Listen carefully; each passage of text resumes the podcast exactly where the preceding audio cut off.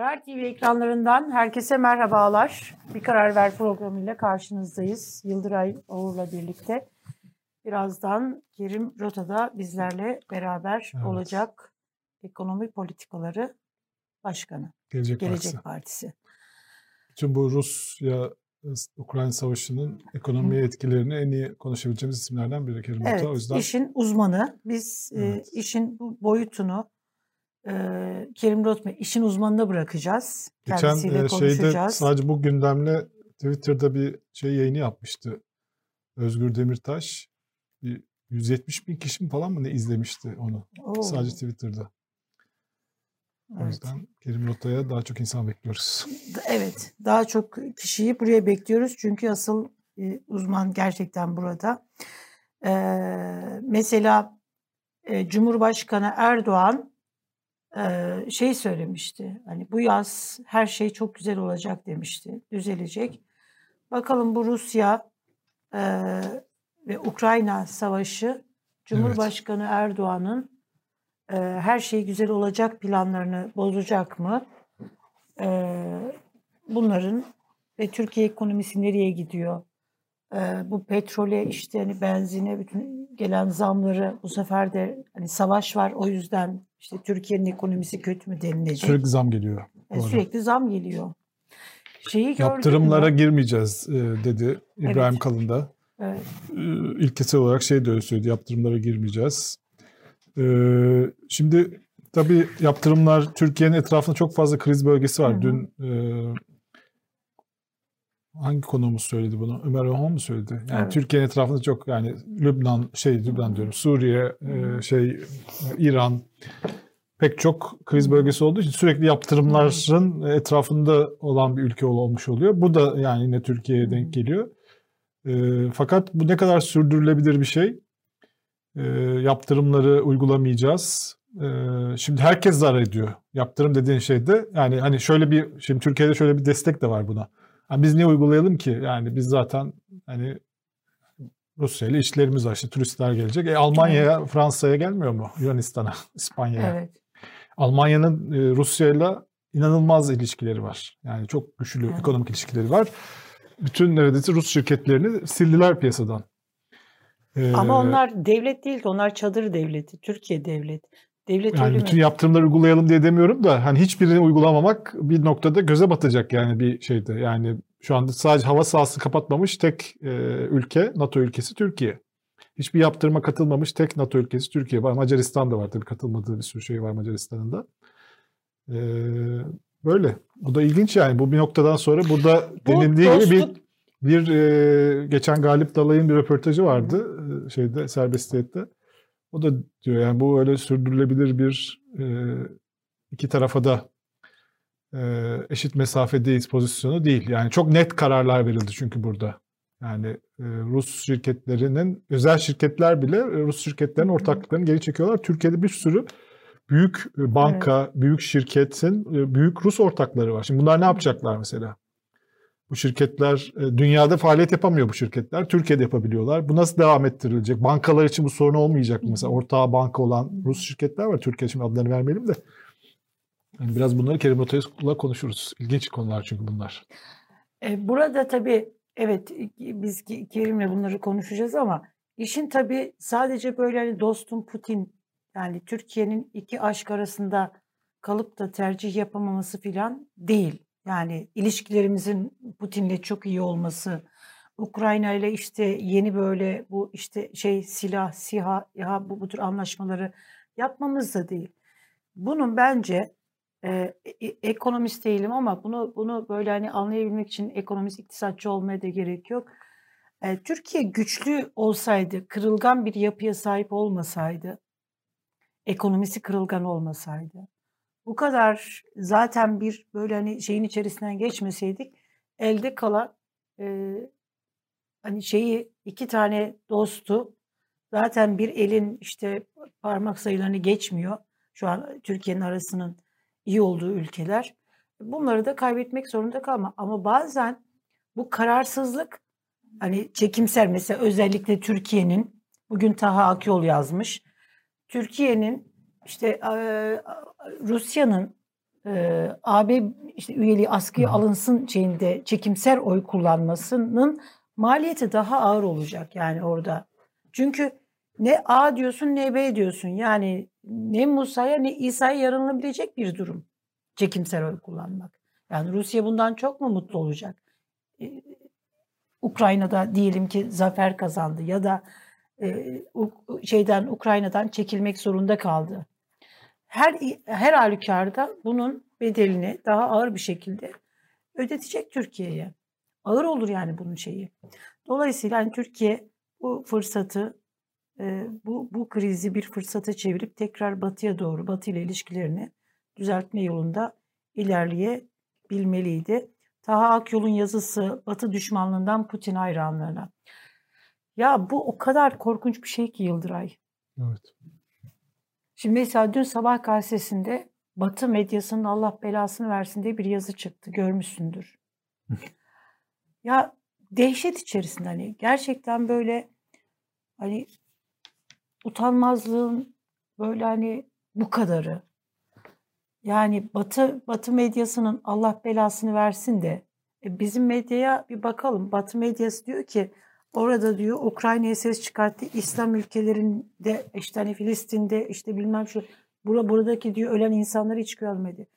Kardeşim bunu söylerken ya şu kadarcık utanma, şu kadarcık mahcup olma, aynaya bakma yüzü yani hani şey var ya ya kardeşim Allah'tan utanmıyorsanız hani kuldan da mı? Kuldan utanmıyorsunuz, Allah'tan da mı utanmıyorsunuz? Ya onların gönlündeki rejim Rusya rejimi. Ya. Ya ama böyle o yüzden Yıldıray Batı'dan nefret sadece- ediyorlar, Rusya rejimine e, hayranlık duyuyorlar. Çünkü o hayallerindeki rejim öyle bir rejim evet yani Yıldıraycığım mevzu e, Rusya değil. Sadece hani Rusya konusunda böyle baksalar ben bunu algılayı anlarım yani.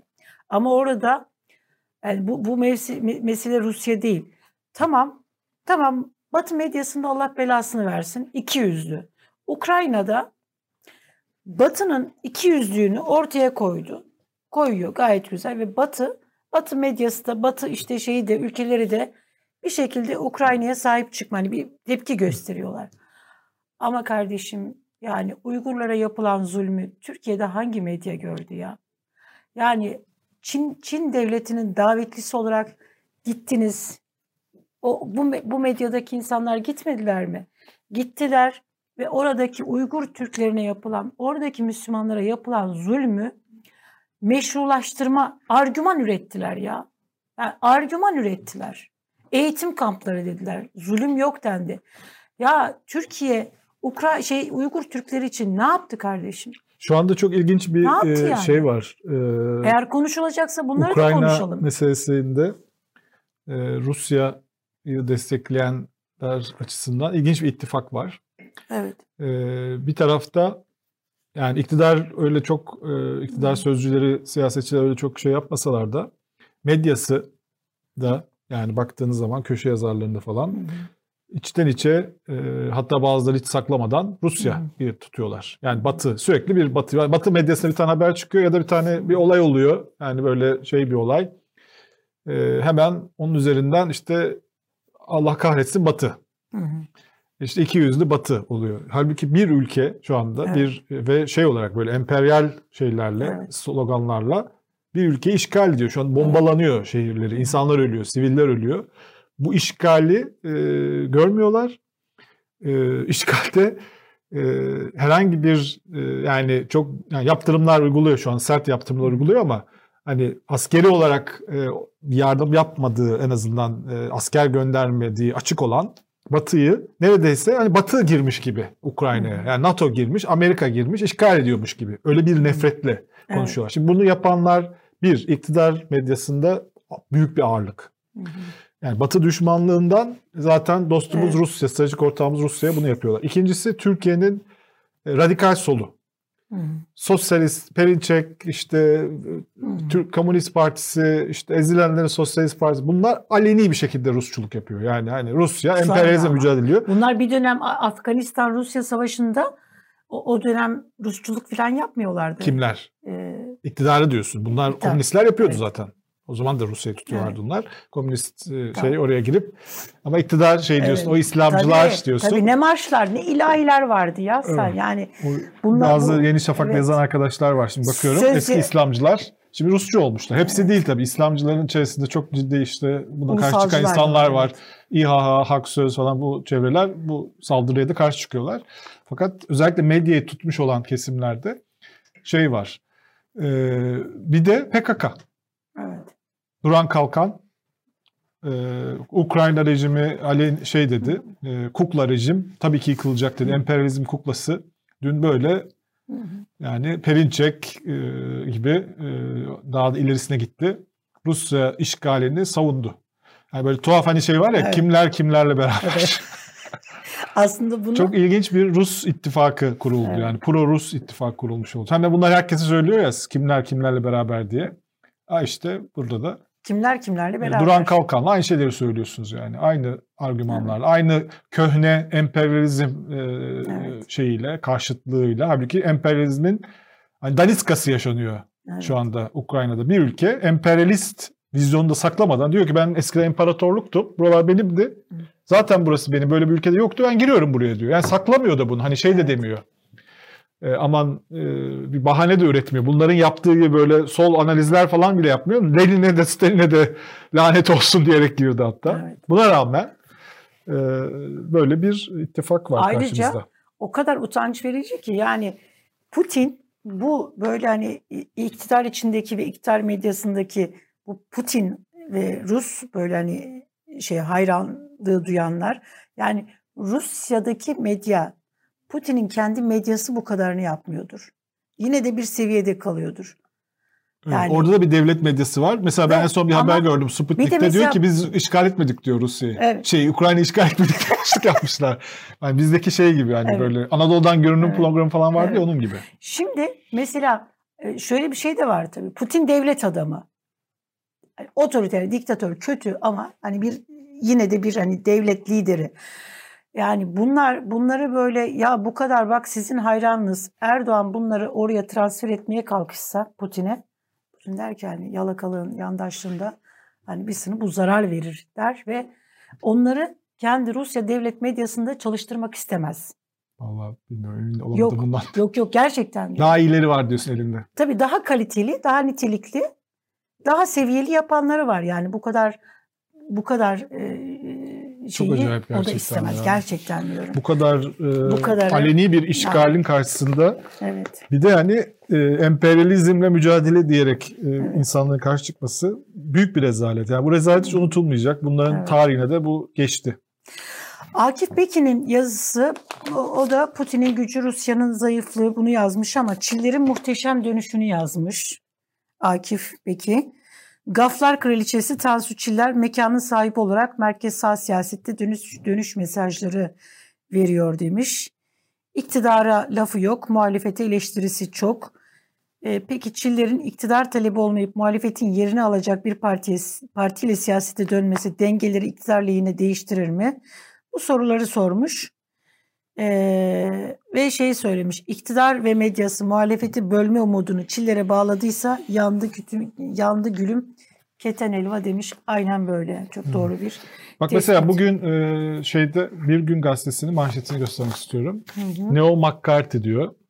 E, bir takım şeyler var böyle Avrupa'da e, bir tane e, Rus Putin yanlısı olan bir ünlü bir orkestra şefi Münih orkestrasında işine son verilmiş falan böyle biraz saçma yaptırımlar yani böyle artık şey boyutunda e, tepkinin bazen böyle tepki tepkini öfke, bu Türkiye'de yaşıyoruz bunları böyle bazen bir şeye çok kızıldığında anlamsız şeyler yapılıyor ve insan hakları ihlalleri yapılıyor. Bunun bir örneği tamam kötü. E, fakat yani Ukrayna işgal ediliyor şu anda. Ukrayna'da şu anda mesela ben sabah baktım e, Rus e, Çarlık Rusyası'nda yapılmış e, en eski üniversite binası Ruslar vurdular. Üniversite evet. binaları falan vuruluyor artık. Bir şey yok. Tek kare bir şey yok burada. Sadece burada kendileri toplanmışlar. Emperyalist savaşa dur de. Hedef de belli değil. Kime dur de diyor. NATO'dan çıkılsın, üstler kapatılsın diyor.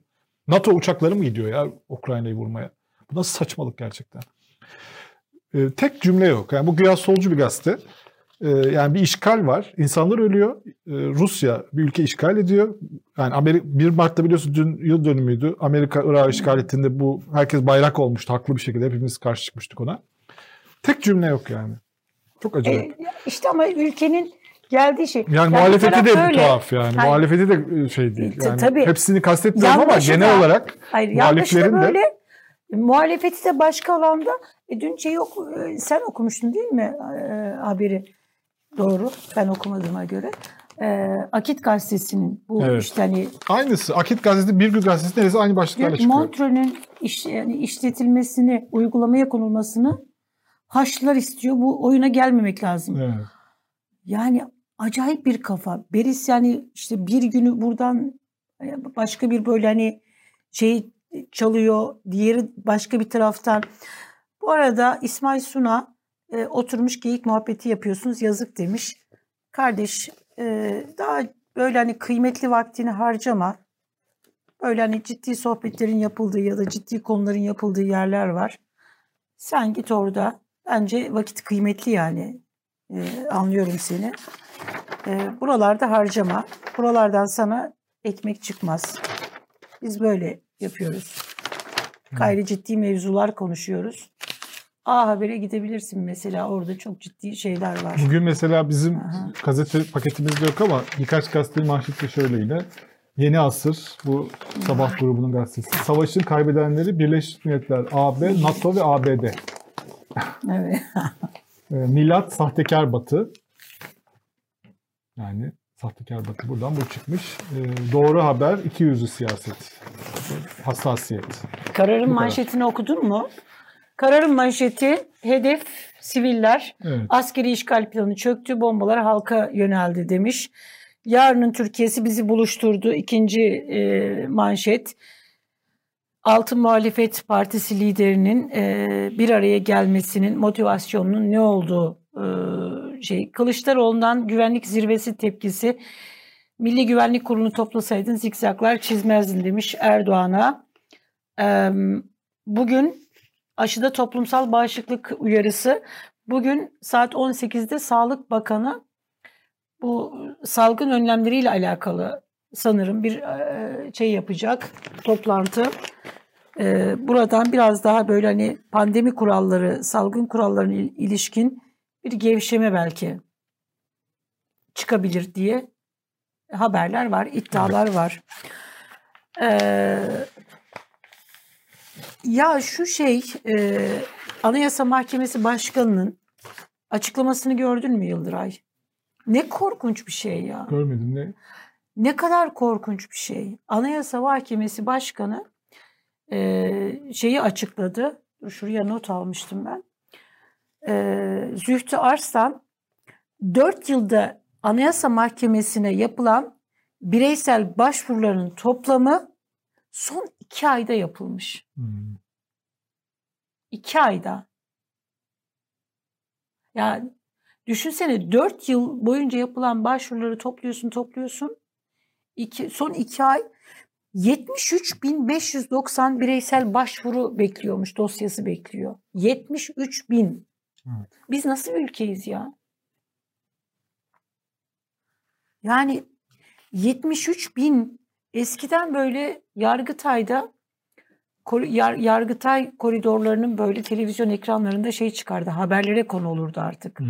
Arabalarla evet, meşhur böyle, böyle meşhur o şeyler hani dosyalar birikmiş yargıdaki hantallık e, yetişemiyorlar hani filan. Ya Anayasa Mahkemesi ya orası artık hani böyle süzüle süzüle gidilen son yer. Bir de bunlar bu bireysel başvuruyu başvuru yapabilenler.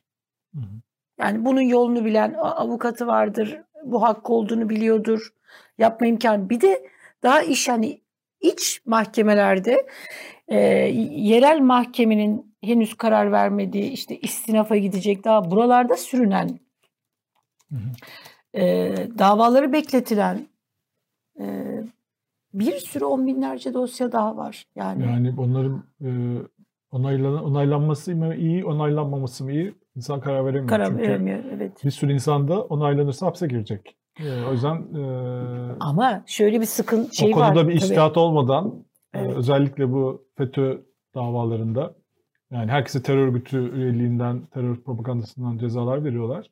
Bir sürü insan bekliyor şu anda Yargıtay'da. Bir de öyle böyle ceza verme değil. Herkese Mesela, bir 6 yıl neydi? Yok. 7 ay mı ne öyle bir şey veriyorlar en keşke, az. Keşke öyle öyle verilse. Yani mesela işte bir er 20 gün olmuş askere gideli ömrü hayatında İstanbul'a gelmemiş. İstanbul'u göreceğim hevesiyle gelmiş. 20 gün sonra daha yani 20 günde ne silah alırsın ne işte şeyi bilirsin hiçbir şey, şey bilmezsin. Buna arabalara doldurulmuşlar. Ellerine birer tüfek verilmiş. Ondan sonra yani e, çocuk bunlar daha. Yani böyle kişilere mesela er- erlerin davası var. Ya 300 kez ağırlaştırılmış müebbet. Evet. Ya 20 günlük asker kardeşim sen neyine veriyorsun? Yani orada yani bu mesela mahkeme aynı mahkeme aynı dosyada aynı şeylerle mesela sen ben ikimiz yargılanıyoruz değil mi? Diyelim ki e, mahkeme bize yerel mahkeme bize e, 300 kez ve işte 500 kez ağırlaştırılmış müebbet cezası veriyor. Tamam mı? Sonra istinaf, istinaf zaten noter yeri gibi. Noter imzalıyor, tekrar onaylıyor bu kararları. Yargıtay'a gidiyor. Yargıtay'dan bu sefer şey çıkıyor. Yani tahliye, beraat kararları çıkıyor. Ya da mesela e, aynı mahkeme seninle alakalı aynı iddialar, suçlanma, hani terazinin aynı şeyi sana mesela e, başka bir şey veriyor. Yani bir uçtan bir uca savruluyor kararlar. Yani aradaki iki yıl, üç yıl değil. Yani ya- Evet. Yargıtay'ın bozduğu davalar. Bir de o kadar büyük bir korku Çok. atmosferi var ki mesela Evet. şimdi bir haber var e, belki görmüşsündür Sabah gazetesinde. Eski bakanlardan Azimet Köylüoğlu e, dolandırılmış. 15 milyonluk evini vekalette e, verirken ortaya çıkmış. E, bir savcı diye birisi onu aramış ve işte paranızı birileri banka hesaplarınızı başkaları ele geçirmek için kullanıyor işte demiş komiser. O da e, işte terör örgütlerine düşecek şeyiniz diye Hı hı. e, o da paraları vermiş. En son şüphelenmiş. Daha geçen hafta da şeydi bir eski sosyoloji profesörü e, bir eski değil yani bir sosyoloji profesörü bunu yapmıştı. Bu mağdur olmuştu. Şimdi yargıya güven olmayınca bir de korku toplumu da olunca böyle korku insanlar korkunca e, olan bitenden böyle şeyler artıyor böyle vakalar. Evet Şimdi Osman Yıldırım diye bu arada Yıldıraycığım istersen gel. geliyorum. Ee, Osman Yıldırım demiş ki e, sizleri izliyorum. Güzel program yapıyorsunuz. Tamam. Ama e, hak ve hakikatleri cesurca dillendiren Yeni Asya gazetesini göremiyorum. Acaba ben mi kaçırdım? Yeni Asya gazetesini biz manşetlerini Bazen gelmiyor. bazen gazete gelmiyor bayiye. Yani gelmediği için e, şey yapamıyoruz ama Yeni, Gaz Yeni Asya gazetesinin manşetlerini, haberlerini görüyoruz. Yani görmemezlik etmiyoruz. E, ama eğer arzunuz oradan gazetecileri, yazarları görmekse hay hay tabii ki e, onları da Olabiliriz ağırlarız. aslında. Evet, doğru. Evet alabiliriz. Bizim e, belki dikkatimizden kaçan bir şey olmuş olabilir. Hoş geldin. Hoş bulduk. Nasılsınız? Teşekkür ederim. Sizler nasılsınız? Teşekkürler. Bizler de iyiyiz. Kerim şimdi Ukrayna işte e, Rusya savaşını şey yapacağız ama ben bugün e, Karar Gazetesi'nde Oğuz Demir'in yazısına takıldım. Bir okumak isterim Tabii. müsaaden olursa. Oradaki grafikleri arkadaşlar grafikte çıkarttılar. Şimdi Oğuz Demir e, şey yazıyor. Diyor ki akaryakıt e, akaryakıt istasyonunda benzinin litre fiyatı en son ne zaman tek hane idi? Hatırlamıyoruz. Hat- hatırlayabiliyor musunuz demiş. Ben hatırlatayım demiş. Sen hatırlıyor musun? Senin araban var Yıldıray. En son tek haneli ne zamandı? Vallahi bu yılın başında öyle miydi acaba? Evet. 8 Okumadım Aralık yani şeyin yazısını. Evet, yok 8 Aralık 2021 tarihinde eee tek haneli Evet. değmiş benzin. Şu anda ne kadar? 17 liraya geçti. 17 lirayı geçti. Ha, 17 lira. Yani İki e, katına çıktı. Yani. iki, iki, iki ayda değil mi? Tabii, iki tabii. ayda iki katına çıkmış. Ve sürekli zam geliyor yine.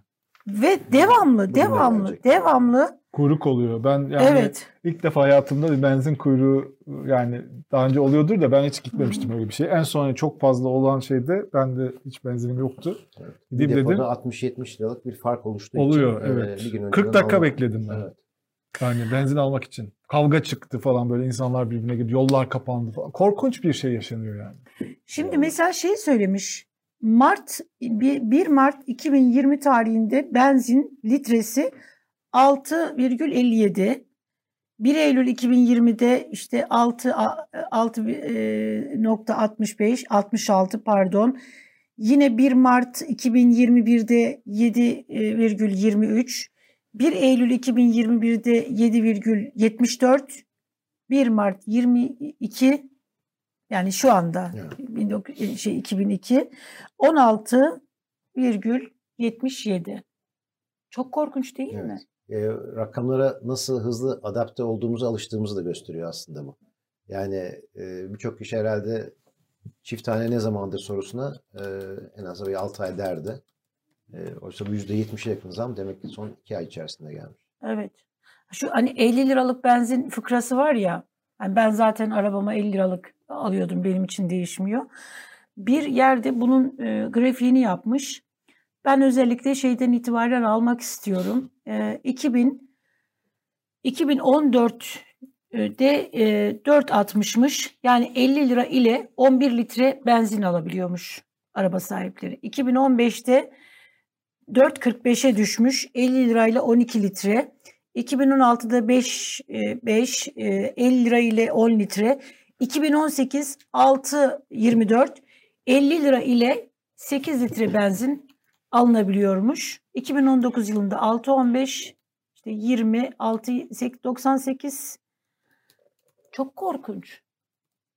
Öyle yani e, Zamlarda uçuyor Türkiye. ve ilginç olan şu akaryakıtta e, geçtiğimiz senenin önemli kısmında aslında ÖTV almayan hı. devlet e, akaryakıttaki ÖTV'yi full almaya başladı e, bu sene e, Ocak ayından itibaren.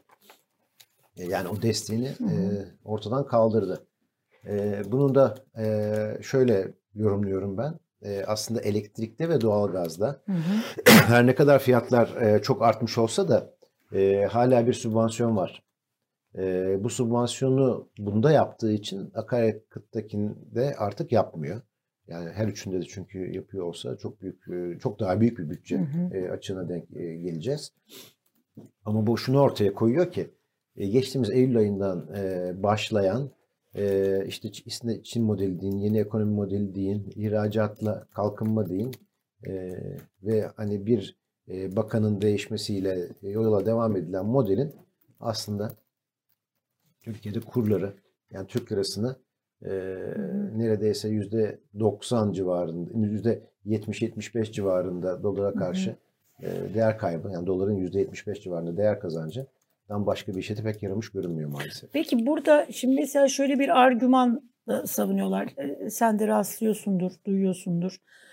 Ö- hani iktidar medyası ya da iktidar içerisinden bazı e, siyasetçiler e, dünyada da zamlanıyor. Sadece hani e, Türkiye değil. E, bu haklı bir e, argüman mı? E, Böyle mi yoksa hani e, evet dünyada da zamlanıyor, zam geliyor ben işte akaryakıta ama e, dünya ile Türkiye arasında uçurum var. Çünkü Türkiye'de ayrıca kriz olduğu için mi?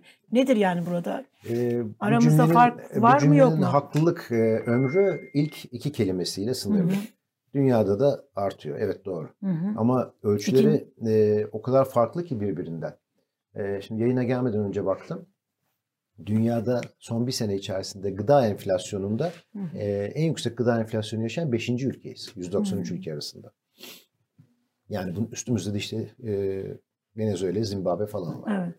Şimdi böyle baktığınızda %55 gıda enflasyonu e, bizim oranımız. Hani Hı hı. e, dünyada da zamlanıyor dediğinizde şöyle bir algıya kapılabilirsiniz. Ya bizde %55 onlarda da %20, 30, 40 falan. Yok böyle bir şey yok. Yani bir dünyadaki gıda enflasyonu e, bu 193 ülkenin yarısından çoğunda Hı hı. hatta yüzünün üstünde e, kinde %10'un altında gıda enflasyonu artışı. E, aynı şekilde mesela akaryakıt e, fiyatlarındaki biz e, 17 liralık e, litre fiyatını niye gördük? E, kurların 8,5'tan 14'e çıkmasından dolayı ağırlıklı kısmı buradan geldi. Ama şimdi savaş yüzünden oldu denecek. E, şimdi çünkü savaş yüzünden gelen bir de petrol ve e, doğalgaz artışı kısmı da var. E, Şimdi öyle bir şey de evet. olabilir yani değil mi? İktidar e, tabii tabii bu bir rahatlatıcı bir etki olabilir iktidar açısından. Yani ya dünyada da arttı işte çok da yapacak bir şeyimiz yoktu diye. Ama ben hani e, rakamlarla söyleyeyim. Bugün e, kurlar kontrol altında kalabilmiş olsaydı yani Eylül başında olan 8,5 olan e, dolar TL kuru bugün 9-9,5 civarında kalmış olsaydı e, bugün litre fiyatı e, benzin 17 lira değil belki 10 lira, 11 lira, 12 lira civarında olabilirdi.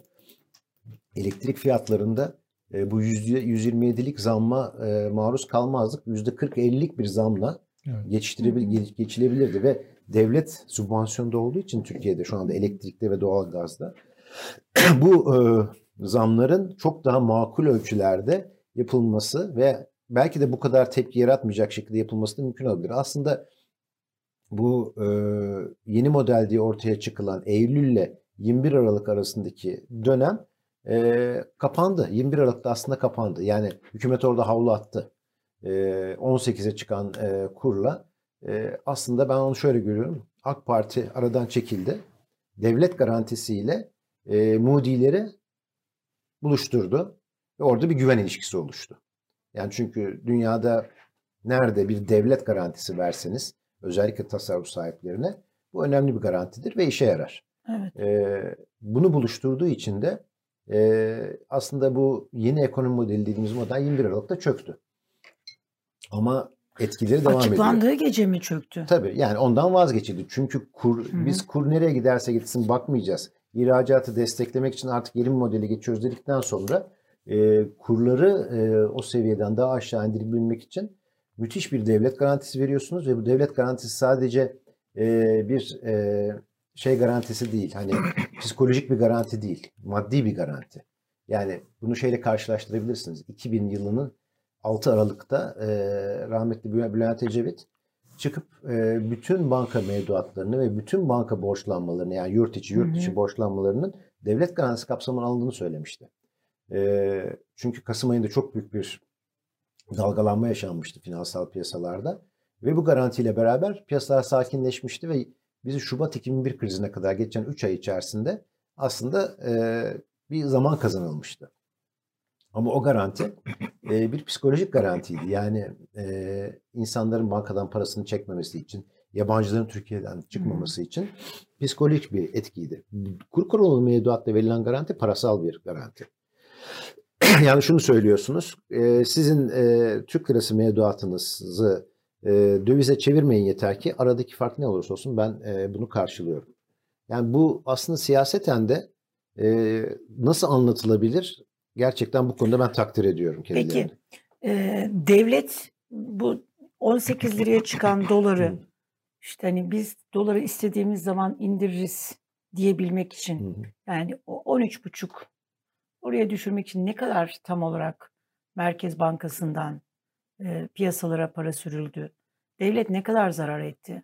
Bunun hani şeyini Şimdi biliyor tabii devletin zararını e, hesaplarken ta 2019'un Mart'ında başlayan 128 milyar dolar diye markalaşan e, işten başlamak lazım. Çünkü aynı model uygulanıyor şu anda.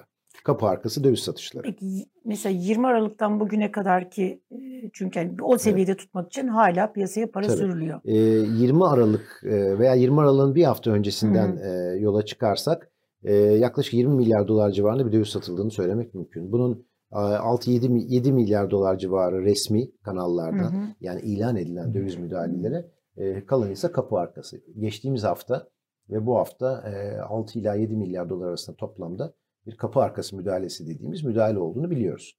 Yani bunu e, artık çok rahat analiz etmek eskisi gibi çok mümkün olamıyor. Hı hı. Çünkü iki tane veriyi karartmaya başladılar. Bir tanesi kur korumalı mevduat e, konusunda biliyorsunuz e, buna giriş e, oldukça bakan e, bu zaman zaman bunu açıklıyordu rakamları. Ve BDDK bununla ilgili rakamları artık resmi olarak açıklayacağını ilan etmişti. Ama en son 14 Şubat verisinde bir günlüğüne ilan etti. Ondan sonraki e, 21 Şubat e, verisinde de sadece toplam rakamı açıklamaya başladı. Döviz ne kadar bozuldu, TL'den ne kadar geçti bu ayrımı da kaldırdı. İkincisi biliyorsunuz ihracatçıların e, döviz e, bozdurmaları %25'ini Merkez Bankası'na bozdurması zorunlu hale geldi. Bir zorunlu döviz devri uygulaması geri geldi. 1999'da kalkmış olan bir e, uygulamaydı bu. Bununla ilgili ne kadar döviz aldığında Merkez Bankası açıklamıyor. İki tane karartılmış verinin e, karanlığında bu verilere ulaşmaya çalışıyoruz. Ama ulaşılıyor. Yani e, özellikle aylık e, bazda buna ulaşmak hala mümkün. E, o yüzden 20 milyar dolar civarında bir döviz harcandığını söyleyebiliriz. Ama ya bence Ukrayna Savaşı'ndan sonra yani Rusya-Ukrayna Savaşı'ndan sonra e, bu iş tamamen değişmiştir. Yani hükümetin kendini yaza kadar atma planı, bir köprü kurup kendini yaza atma planı bence Ukrayna Savaşı'ndan sonra suya düştü. Neden? E, çünkü bu yaza kadar atma planının temel ayağı turizmden gelecek olan 30-35 milyar dolar olacak ve 2019 rakamlarına yaklaşacak olan bir turizm gelir beklentisi vardı. Yaz aylarıyla beraber enerji e, fiyat kullanımının düşeceği ve ondan sonra enerji fiyatlarının daha e, aşağıda olacağı ve bu süre içerisinde aldığı dövizlerle e, daha sonra yaz aylarında gelecek dövizlerle de beraber e, kurları bu sene 14 civarında, e, 13,5-14 civarında kontrol edebilecekleri ve bunu kontrol ettiği için de bu kur korumalı mevduata herhangi bir bütçeden bir para ödenmeyeceği gibi bir plan buydu. Plan vardı. E, şimdi plan çok büyük tehlike e, altında. Yani bugün e, yapılan şu aslında. E, yapılan bir modelden çok e, harcamalarınızı ertelemek, e, gelirlerinizi öne çekmek diye düşünebilirsiniz. Yani hükümet bu kur korumalı mevduatla e, hem şirketlerden hem bireylerin döviz bozdurmasını sağladı e, ve bir döviz akışı, nakit akışı sağladı. E, döviz almak isteyenlerin talebini de ileriye doğru erteledi. E, başta ithalatçılar e, olmak üzere. Şimdi e, artık günü geldiğinde e, bu nakit akışları tam tersine dönecek. Yani daha çok döviz talebi, daha az döviz arzına geleceğimiz bir dönem e, olacak. Çünkü şöyle düşünün, Merkez Bankası zorunlu döviz devriyle bir döviz alıyor ihracatçılardan. Bu %25'i. Onu kendi havuzuna çekiyor, kendi bünyesine çekiyor. Ama bu daha önce piyasa bünyesinde olmayan bir tutar değil, havadan gelmedi. Daha önce ihracatçılar bunu piyasaya satıyordu, ithalatçılar da buradan alıyordu. Şimdi bu havuzdan Merkez Bankası'nın bunu aktardığınız zaman e, ithalat talebinin e, bu havuzdaki ağırlığı daha fazla olacak. Hı hı. E, nitekim e, dış ticaret açığında ve cari açıktaki rakamlarda bunu, bunun sinyalini e, kötü olarak vermeye başladı. E, yani kur, e, Eylül ayında ihracatı destekleyip cari fazla ömürle çıktığımız noktada 10 milyar doların üzerinde bir dış ticaret açığı verdik Ocak ayında ve e, Şubat ayında da bu e, 7-8 milyar dolar olacak gibi görünüyor. E, böyle bakınca bu arz talep dengesi tutmaz. E, ya Merkez Bankası kapı arkası veya açık bu müdahaleleri daha e, büyük tutarlarda yapmak zorunda. Ama bir Merkez Bankası'nın yönlendiriciliğiyle, abiliğiyle e, bir ülkenin döviz arz talep dengesi e, dengelenmez. Peki bu durumda... Turizmde Ha, e, evet. şey oldu. Şimdi turizmde daha büyük riskler var. Dün e, bu konuyla ilgili bir e, toplantı e, da yaptık turizmcilerle. E, onların endişesi sadece Rus ve Ukraynalı turistlerin azalması değil. Onların endişesi Avrupalı turistlerin de etki bu savaşın e, uzun sürmesi halinde etkilenip e, toplam ciroyu aşağı e, çek, çekecekleri yönünde. E, o yüzden orada çok dikkatli olmak lazım. E, yani bu sadece hani Rus ve Ukraynalı turistlerden gelecek olan yüzde onluk bir turizm azalışından daha ciddi bir sorun olabilir. Hmm. Dolar tekrar yeniden peki bu durumda yükselecek yani 14'lerde tutamaz. Şimdiden tırmanmaya başladı. 14 seviyesini geçmeye başladı. Ee, yeniden yükselir e, anlamına gelir mi bu? Şöyle ben e, artık hani şunu düşünmeye başladım. E, biraz evvel e, sevgili Yıldıray hani dedi ya ya işte hani savaşı bahane edebilirler. E, evet. Burada artık döviz, e, şey fiyatları arttı. Doğalgaz fiyatları ondan e, deyip arkasına sığınabilirler. Aslında belki ortodoks politikalara dönmek için de savaş kadar iyi bir bahane olamaz. Yani e, bir noktada ben e, hükümetin yeni bir döviz e, krizini, yeni bir döviz Hı hı. şokunu almak yerine e, ya işte dünya değişti, doğalgaz, petrol fiyatlarının halini görüyorsunuz. E, dolayısıyla biz, biz bir 5-6 puan faizleri arttırıyoruz, Hmm. sorumlu karşılıkları arttırıyoruz. E, bunun da sebebi e, bizim faiz enflasyon ilişkisine deki fikrimizin değişimi değil. E, dünyanın dikte ettirdiği Savaş bir şartları modeldir. da savaş şartları da caizdir diyebilirler. Caizdir. Allah Evet. günah yazmaz yani o Yazmaz. zaman bir, Evet. bir, bir müddet. Olabilir böyle bir şey Evet. gerçekten. Hani nasıl Batı ittifakıyla yakınlaşma Evet. oluyorsa Evet. Batılı ekonomik tezlere de yakınlaşma Evet. olabilir. Yani yeni bir e, kur şokuna artık e, Tahammül yok. dayanacaklarını, tahammül edeceklerini düşünmüyorum bu nedenle. Şimdi biraz e, bu e, Ukrayna meselesini biraz dünya, hani biraz Türkiye'den uzaklaşalım. Hani Türkiye'ye tekrar geleceğiz çünkü bunun sonuçlarını e, konuşmak için de. E, şimdi bir takım yaptırımlar uygulanıyor. Sen de takip ediyorsundur. Ekonomik yaptırımlar. İşte Swift'ten çık çık çık Evet. Swift'ten çık deniyor. Tabii bunlar aşağı yukarı öğrendik tam ne olduğunu ama işte şirketler çekiliyor Rus şirketlerden işte Shell, BP bile işte çekildi Gazprom'dan. Siberbank'ın faaliyetleri Avrupa'da durdurdu artık faaliyetleri. Baktığın zaman bu yaptırımlar Rus ekonomisi ne kadar etkileyebilir? Ne kadar sert yaptırımlar bunlar? E, çok ağır etkiler bence. Yani e, bir kere e, şunu kabul etmek lazım. E, savaşın ilk e, birkaç günündeki yani işgalin e, ilk birkaç günündeki psikolojik etkinin tamamen terse döndüğünü Hmm. bir kere anlamak lazım. Bu yaptırımlar aslında çerçeveleme demek lazım. Yani Rus ekonomisini e, çerçevelemeye çalışıyor Batı e, ABD. Bu çerçevelemenin özellikle SWIFT yasayla beraber e, başarılı olacağı bence şimdiden belli. E, burada çıkış noktaları Ne yapıyor Swift yapsa? Yani böyle bize daha pratik olarak açıklarsan. Evet, Yani aslında bütün dünyadaki e, neredeyse tek diyebileceğim yani en popüler öyle ama neredeyse tek dediğim uluslararası e, bir para transfer e, sistemi. Bir mesajlaşma sistemi aslında para transferinden çok e, bankaların birbirine mesaj göndererek teyitleşme sistemi. Bu teyitleşme sistemiyle beraber bütün e, para akımları bunun üzerinden gerçekleşiyor. E, şimdi burada e, bu mesajlaşmayı yani iletişimi kestiğiniz noktada e, artık Rus bankalarının bu sistem üzerinden hareket etme e, şansını ortadan kaldırıyorsunuz. Belli bankalar için yapıldı. 7 bankadan tahmin ediyorum. Belli bankaların e, yapılmamasının sebebi de e, hala bunun bir pazarlık unsuru olarak e, şey yapılması. Yoksa hepsi de yapılabilirdi. E, bunun dışında e, bazı kişilere yaptırım kararları ve İsviçre'nin buna katılmış olmasını Çok ben ilginç. e, ilginç buluyorum. Hmm. E, bankacılık sisteminde çünkü hani İsviçre e, İkinci Dünya Savaşı'nda bile e, bu adımları çok kolay atmadı. İkinci Dünya Savaşı sonrasında bile. Nazi paraları gitti Evet, oraya. Nazi Evet. paralarını kastediyorum. Çok kolay atmamıştı. E, bu da ilginç bir yak. Dolayısıyla bu çerçevelemenin beklendiğinden başarılı olduğunu düşünüyorum ve Putin'i hani büyük bir strateji değerli olarak e, düşünen Putin'in de e, burada biraz ben soru işareti bende oluştu. Çünkü Merkez Bankası, Rus Merkez Bankası'nın rezerv kompozisyonuna baktığınızda hala ciddi anlamda dolar ve euronun da olduğunu görüyorsunuz. Hmm. Yani tabii ki altına, e, Çin parasına, yuana e, dönmüş. E, ama dolar ve euronun da ağırlığı hiç az değil.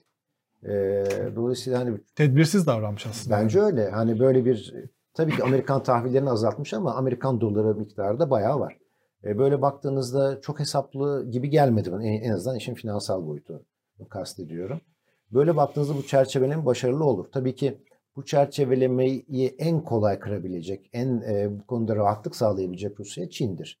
Ama o konuda da ne kadar istekli olacakları e, hani soru işareti veya istekli olurlarsa e, orada başka ticari e, dengeler de or- şey yapmış olabilir, e, kurulmuş olabilir.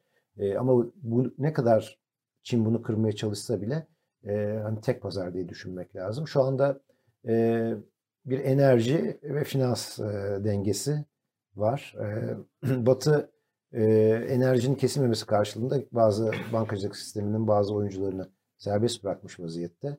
E, ama hani bir enerji kartı çıkarsa e, eminim ki o da kapanacak. E, böyle baktığınızda bu çerçeveleme bana şu ana kadar başarılı görünüyor. Peki şimdi hani e, Batı'nın e, yaptırımlarının ya da e, işte verdiği tepkilerin sert olduğunu e, Evet. söylüyoruz. Yani e, bunlar işin ekonomik boyutuyla bakıldığı zaman gerçekten sert e, adımlar mı, yaptırımlar mı Rusya'ya karşı? E, yoksa hani ya bunun altından zaten kalkabilir bir oyalama taktiği olarak Hı hı. görmek mümkün mü? Oyalama taktiği olan Kırım'daki Hı durumdu. hı, Yani Kırım'daki durumda aynen bu dediğiniz oldu. hı hı. E, o zaman da yaptırımlar hem kişilere yaptırımlar vardı ama çok Hı hı. büyük bir böyle e, finansal yaptırım e, ortaya konmamıştı. E, bu sefer gerçekten büyük. Mesela şu Siberbank'ın e, Avusturya'daki ortaklığının tasfiye olması Hı. ilginç bir. Yani bu artık geri dönüşü olmayan bir e, şey. E, bundan sonra 3 hafta önceki pozisyona bütün taraflar dönse bile o banka artık faaliyetine devam etmez Hı. orada. Çünkü ECB'nin Avrupa Merkez. Bankası'nın emriyle artık tasfiye e, ediliyor. Böyle baktığınızda e, bazı adımlara geri dönüşü olmayan adımlar e, olarak Hı hı. e, görmek lazım. E, Rusya'nın en büyük bankasının belli bazı iştiraklerini iflasa terk etmiş olması da ilginç. Yani normal şartlarda e, itibarınız e, birkaç küçük bankayı bırakmayacak kadar yüksek olmalıdır. E, o, artık onlar da onu bırakmış vaziyette. Onlar da e, bir hani rest çekiyorlar. Madem öyle hani buyurun sizin olsun e, gibi bir noktaya gelmişler. E, pek geri dönüşü olacak e, yaptırımlar da değil. Türkiye Peki bu geri adım yaptırımlara... mı? Ha, pardon. sen- Çok özür. Geri e, adım attırır mı e, Putin'i bunlar? Ya onu e, onu bilmek çok zor. Yani o biraz daha fazla siyaset ve psikoloji okuması gerektiriyor bence. E, hani sadece e, finansal yaptırımlarla sıkışıp köşeye sıkışıp bir noktaya e, gelmesi yani herhalde iyimser olur. Zannediyorum bu daha uzayacak. Batı e, çok özür diliyorum Yıldıray. Tabii tabii. E, bunun devamı olarak bir şey soracağım. Batı peki bir adım daha yani elini e, yüksek açtı ama kartı e, bir adım iki adım daha ileriye götürebilir mi yoksa e, son şey burası mı? Çünkü Putin'in de elinde Evet. nükleer işte tehdit var. Daha fazlasını yapabilir mi yapamaz mı? Ya Batı derken hani e, Avrupa Birliği açısından Hı hı. herhalde e, bu artık son noktalar diye düşünüyorum. Hı hı. E, Çünkü önemli bir ekonomik ve enerji bağımlılığı oluşuyor.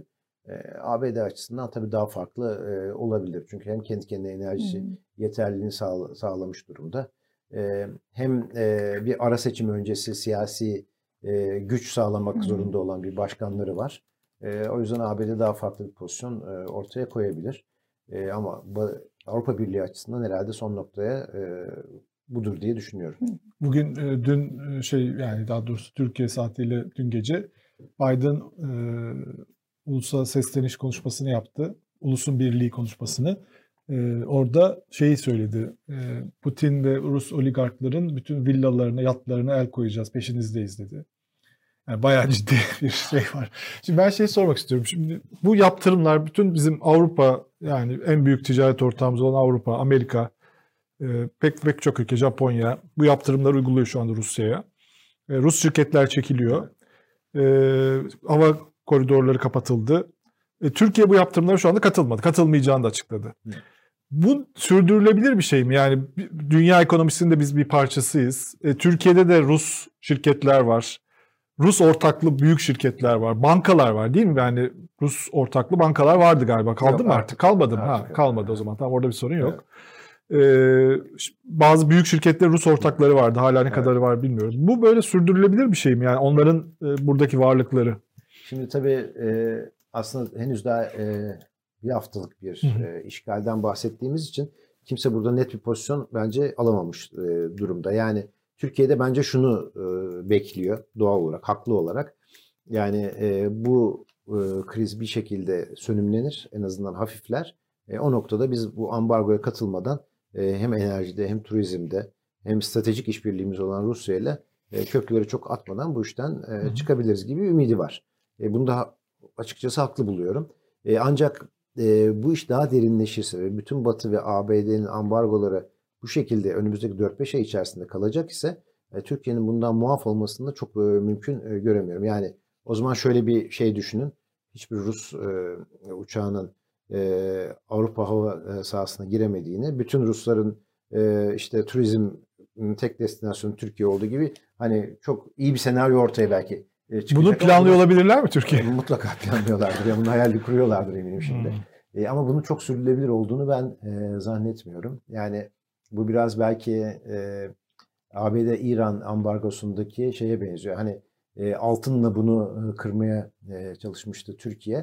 Ama altına ambargo gelmesi de e, o zaman ama ABD bu konularda biraz daha yavaştı. Bir sene içinde altına ambargo gelip e, o yolda e, tıkamıştı. Reza Zarrab çıkmıştı sonra Tabii. ortaya. Ee, şimdi böyle bakınca e, ben e, Türkiye'nin de böyle bir coğrafyada ne bu yaptırımlardan ne de e, hani Rusya'nın etki, Rusya'nın ekonomik e, yaşayacağı sıkıntılardan muaf olamayacağını görüyorum. E, bu ya ekonomik daralma olarak Türkiye'ye etkileyecek ya cari e, açığın artması artık cari fazlayı unuttuk. Cari açığın artması olarak e, karşımıza e, çıkacak diye düşünüyorum. Yani e, tüm Rus pazarının e, tüm Türkiye ile e, hayatına devam edip bütün dünyaya kapanması gibi bir durumun pek olacağını düşünmüyorum. Bütün doğalgazı bize satamazlar herhalde. Çok ucuzlar tabii burada doğalgaz ama. Evet. E, Ya böyle bakınca tabii doğalgaz ucuzlayacak. Yani bir tarafta turizm gelire gelecek evet. mantıklı geldi. Mantıklı, mantıklı. Evet. E, bu ekonomik yaptırımlar e, sonrası Rusya ilk tepkisini yani bir rublede büyük bir şey oldu, yükseliş oldu. Rus Merkez Bankası büyük bir faiz artışı yaptı. Nasıl buluyorsun Rusların tepkisini bu ekonomik Yani şeylere? zaten hani e, Rusya bu konuda e, para politikasını düzgün yönetme konusunda kendini ispatlamış bir ülkeydi Hı. zaten. Yani Merkez Bankası Başkanı'nın e, herhalde Putin'den sonra en çok tanınan e, devlet görevlisilerinden bir tanesiydi. Hı hı. e, Merkez Bankası'nın başındaki hanımefendi. Şimdi böyle baktığınızda e, Putin'in iktidara geldiği 2000 yılından e, bugüne kadar rublenin değeri yaklaşık 5 kat şey olmuş. Artmış. eri- erimiş, artmış. Bizim 2002'den bu yana e, 13-14 kata geldi. Yani aslında çok yüksek enflasyon sorununu aşmış bir ülkeydi. E, tabii ki dünyaya göre ortalamasında yüksek bir enflasyonu vardı ama bizim gibi bir yüksek bir kronik enflasyon e, sorunuyla karşılaşmamıştı. Böyle bakınca o normal vermesi gereken e, hamleyi verdi. Ama yani tabii- dış politikada irrasyonel davranıyor ama ekonomide rasyonel Kesinlikle. davranıyor. Ama tabii şöyle bir şey var. Yani istediğiniz kadar e, bu politikaları uygulayın. Dünyadan izole e, olduğunuzda artık farklı bir politika setine geçmek zorunda kalabilirsiniz. O yüzden bu yaptırımların çok uzadığı noktada Rus Merkez Bankası'nda faiz düşürmek dışında başka bir seçeneğinin kalmayacağını ben düşünüyorum. Hmm. E, içeride o da parasal gevşeme yapmak durumunda kalacaktır. Ama ilk tepki olarak hani o zaman da daha bu Rus varlıklarının e, işte yurt dışından alım satımına da daha bir e, şey gelmemişti, yasak gelmemişti. İlk tepki olarak doğru bir tepki ama e, kısa bir zamanda bu iş uzarsa kısa bir zamanda tam tersi karar almak zorunda kalacaklardır. Peki bu. Rusya'nın Ukrayna'ya saldırısının ardından Fed'in bir yıl sonrası için beklenen faiz seviyesini yüzde 40'ın şey pardon 40, 40 bas puan düşmesini nasıl değerlendiriyorsunuz? Bu ne E, anlama geliyor? aslında dünya piyasalarını e, ayakta tutan da bu oldu son bir hafta içerisinde. Hı, Yani e, bundan iki hafta kadar önce hı. e, Fed'in e, 9 artış yapacağı, e, yaklaşık e, faizi de 2,5'a getireceği konuşuluyordu. Hatta ilk faiz artışının Mart ayında 25 değil 50 bas puan olacağı Hı. konuşuluyordu. Şimdi bu 9 artış 4-5 gibi beklentileri inmiş vaziyette. Bu 50 bas puan tamamen masadan kalktı. E, ve 1,5 gibi bir yerde bunun sonuçlanabileceği e, düşünüyor. 2,5 yerine 1,5 gibi bir FED faiziyle. E, bütün dünyada piyasaları aslında çöküşten kurtaran da e, bu beklenti oldu. Yani ben e, Mart ayında hala FED bir 25 bas puan faiz artırabilir diye düşünüyorum. Çünkü enflasyon baskıları çok fazla. Ama e, bu petrol fiyatları e, ile enflasyon daha artacak olsa da e, ciddi anlamda bunun daha sonraki durgunluk ihtimalini çok arttırılması sebebiyle e, bu artışların e, daha aşağıda olabileceğini ben de tahmin ediyorum. artık. Son hani bu para politikaları kurulu toplantısında Türkiye sabit bıraktı politika Evet. faizini. Ee, bir kez daha sabit bırakması e, Türkiye için böyle hani iyi olur mu? Ne kadar iyi olur? Ya bence artık Türkiye Cumhuriyet Merkez Bankası'nın Yoksa hani ne yerse politika kararlarının hiç bir önemi yok. Yani e, 48.6 enflasyonumuz var. Yarın şimdi e, Şubat enflasyonu açıklanacak. Büyük ihtimalle 53-54 gibi bir yere gelmiş olacak enflasyonumuz. 54 e, enflasyon, 14 politika faiz oranı. E, yani artık hani Merkez Bankası Başkanının bile e, ben e, bu konuda kararlarının bir etkisi olmayacağına ikna olduğunu düşünüyorum. Kendisini bile buna iknadır.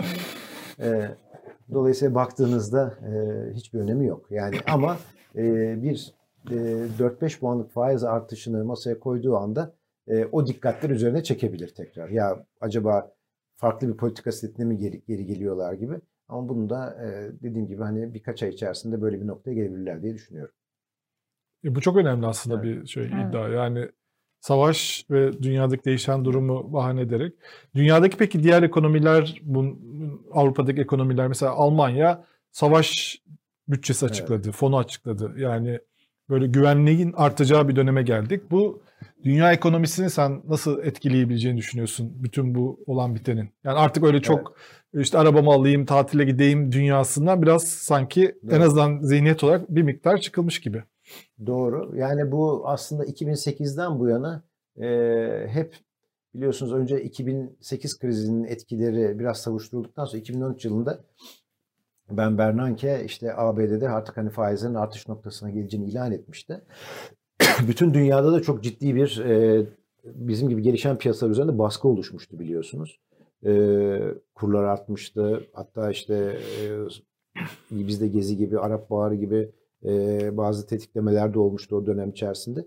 Şimdi böyle baktığınızda e, ben e, 2013'te bu olmamıştı. Daha sonrasında belli jeopolitik riskler sebebiyle. E, şimdi enflasyon arttı şeyde e, bütün dünyada. Tam FED faiz arttıracak derken böyle bir jeopolitik krizin tekrar ortaya çıkmasıyla e, bu da e, havada kalabilir. E, böyle baktığınızda e, biraz piyasaların ben düşük faiz bağımlısı haline e, geldiğini düşünüyorum. Özellikle hmm. e, son 10 senedir. E, o anlamda piyasaların bu düşük faiz e, bağımlılığına da e, iyi gelecek e, bir şey olacaktır bu. E, bahane olacaktır diye düşünüyorum ama bütün dünyada finansal risklerde çok artıyor. 350 trilyon üzerinde bir borç e, yükü olmuş durumda e, bütün dünyada. E, böyle bakınca bu borçluklarla yani zaten faizlerin yükselmesi çok iyi bir şey değil ama e, bu borçluluklarla, bu düşük faizlerle e, bu düzende ne kadar devam edecek e, o da büyük bir soru işareti. Elektrik faturalarında yeni düzenleme yapılacak denmişti. Evet. E, zamlar durdu, kilowatt artırıldı. Evet. E, bir de KDV oranında bir düşüşe, ufak bir miktar evet. düşüşe gidildi. Ya bana çok tuhaf geliyor. Ya elektriği böyle kilovatla almamız. Yani bu hale 2022 Türkiye'sinde gele gele geldiğimiz nokta hani 2000 şey 1920'li yıllarda değiliz, 18'lerde değiliz, 30'lu yıllarda değiliz.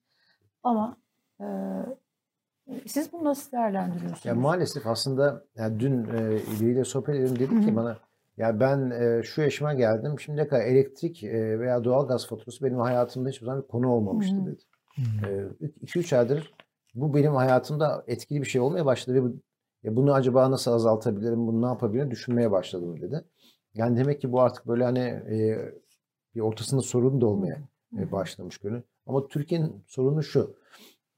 Dünyada da elektrik, doğalgaz fiyatları artıyor dediğiniz gibi ama dünya fiyatlarından artık e, elektriğini, elektriği, doğalgazı vatandaşına satamayan bir ülke haline gelmişiz demektir.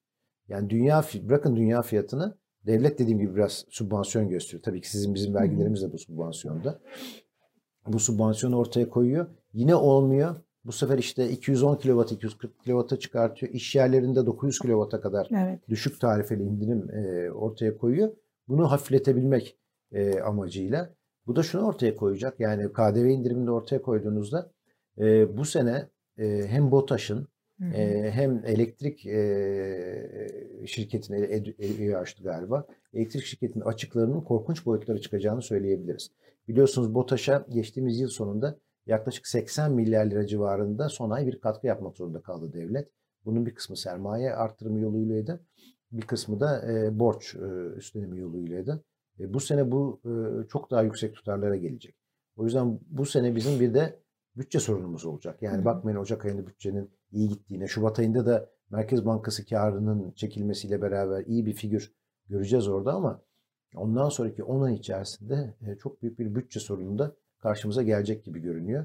E, bu hani kur korumalı mevduatın hiçbir etkisi olmasa bile bu bütçenin üstüne e, sadece enerji fiyatlarıyla çok ciddi bir açığımız olacağı şimdiden görülüyor. Bir de hani enflasyon bu seviyelerdeyken ben e, asgari ücret artışının bir sene sonra Ocak ayında yapılacağını da düşünmüyorum. Mutlaka hmm. ki Temmuz, Haziran ayında toplanıp Temmuz ayında bir artış daha yapılması ihtiyacı var.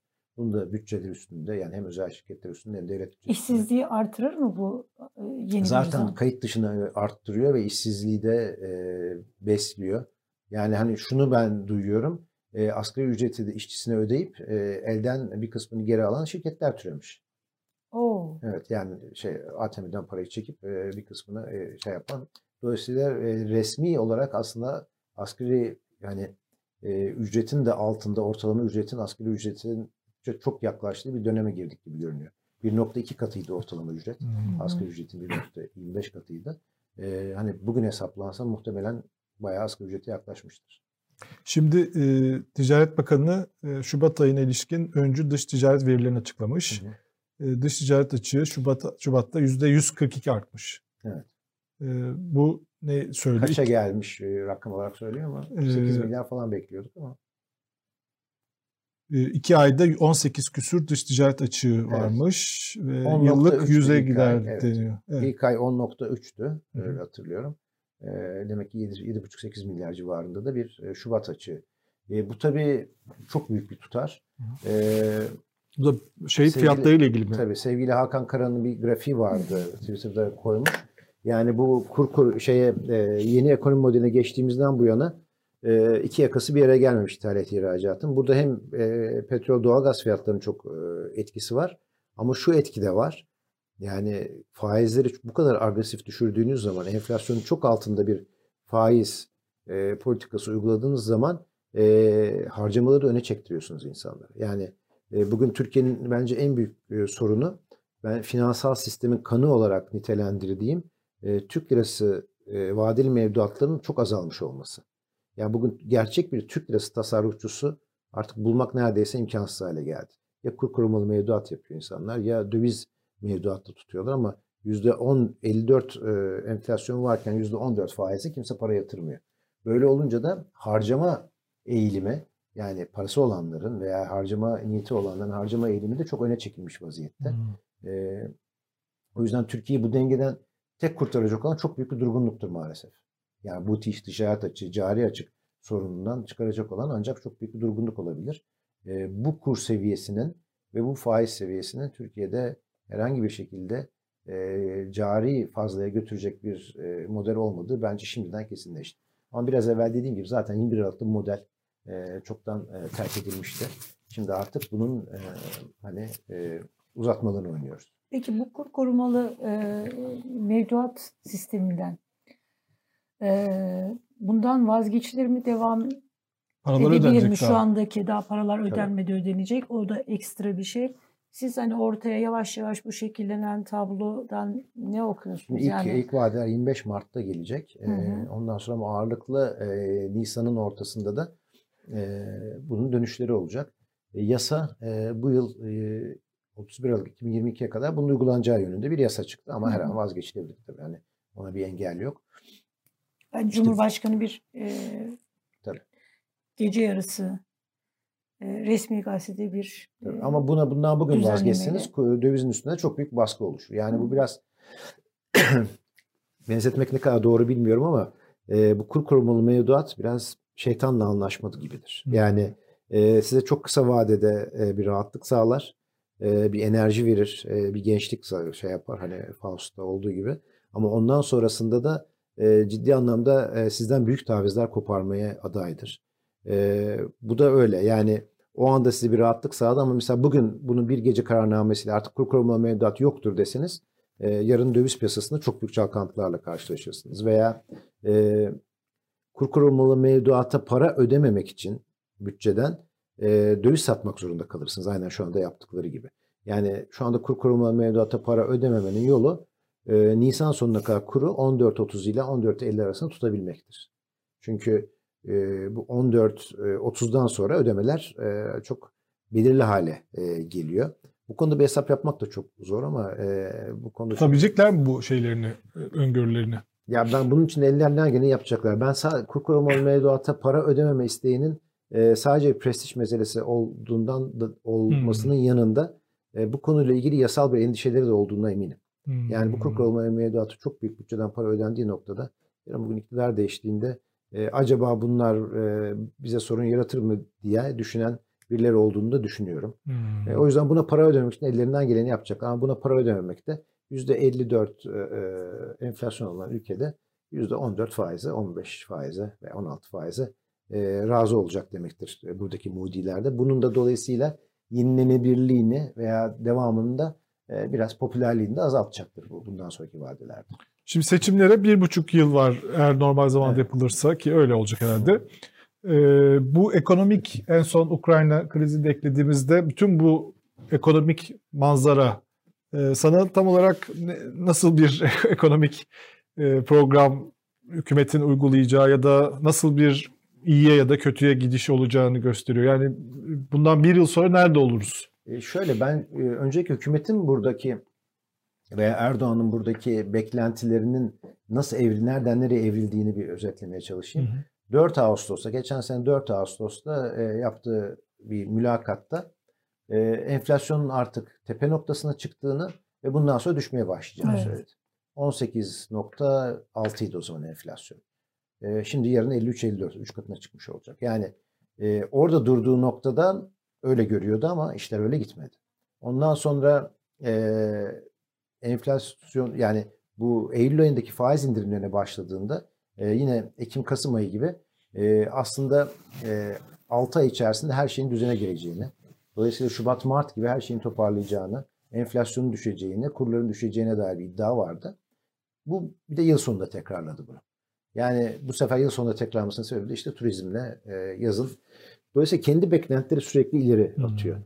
Bunu e, beklentinin ileri atması da aynen daha önce tahmin ettiğimiz gibi seçimlerin 2023 yılına sarktığını bize bence e, gösteriyor. E, bundan sonra e, burada bir başarı hikayesi yazılma ihtimalini ben e, hiç hmm. görmüyorum. Yani e, Sayın Bakan'ın söylediği gibi gelecek sene diyelim ki enflasyon e, seçimlerden önce tek haneye düştü. Olmaz yani. Olmaz öyle bir şey. E, hani 20'yi bulursa 25'i bulursa şükretsin. Ama diyelim ki 9 oldu gelecek sene. 2023 Haziran'da enflasyon. Bu şu anlama geliyor. Bugün 100 liraya aldığınız mal veya hizmeti gelecek sene Haziran'da 130 liraya alacaksınız demektir. Yani enflasyonun düşmesi, fiyatların düşmesi olmadığını biliyoruz ama bugünden Haziran'a kadar da %30 enflasyon daha gelecek bunun üstüne diyebiliriz. Tek haneye düşmesi Peki, için. Peki %9'a yani evet. %50'lerin evet. üstünde %50'nin üstündeki bir enflasyonu %9'a düşürmek e, hani Türkiye'ye maliyeti ne olur? Yani düşebilir mi? Bu böyle hani çok matematiksel olarak mümkün Hı. mü? E- ekonomik kurallarla ya da diyelim ki Cumhurbaşkanı Erdoğan'ın ekonomi bilgisiyle bunu yapmak mümkün mü? Yani ya şöyle ne yani şimdi şunu şunu göz ardı etmeyelim. Yani e, faiz e, enflasyon yani mesela siz kendiniz Hı. düşündüğünüzde ya aslında hani bunu bunu düşürmek mümkün ama bunu bunun yollarını iktidardakiler anlamaz filan. Ama düşürmek mümkün. Hani kendi kendinize kaldığınızda Hı-hı. diyelim ki iç iç sesinizde ya olabilir filan diyor musunuz? Yok. Yani artık onlardan geçmiş bence.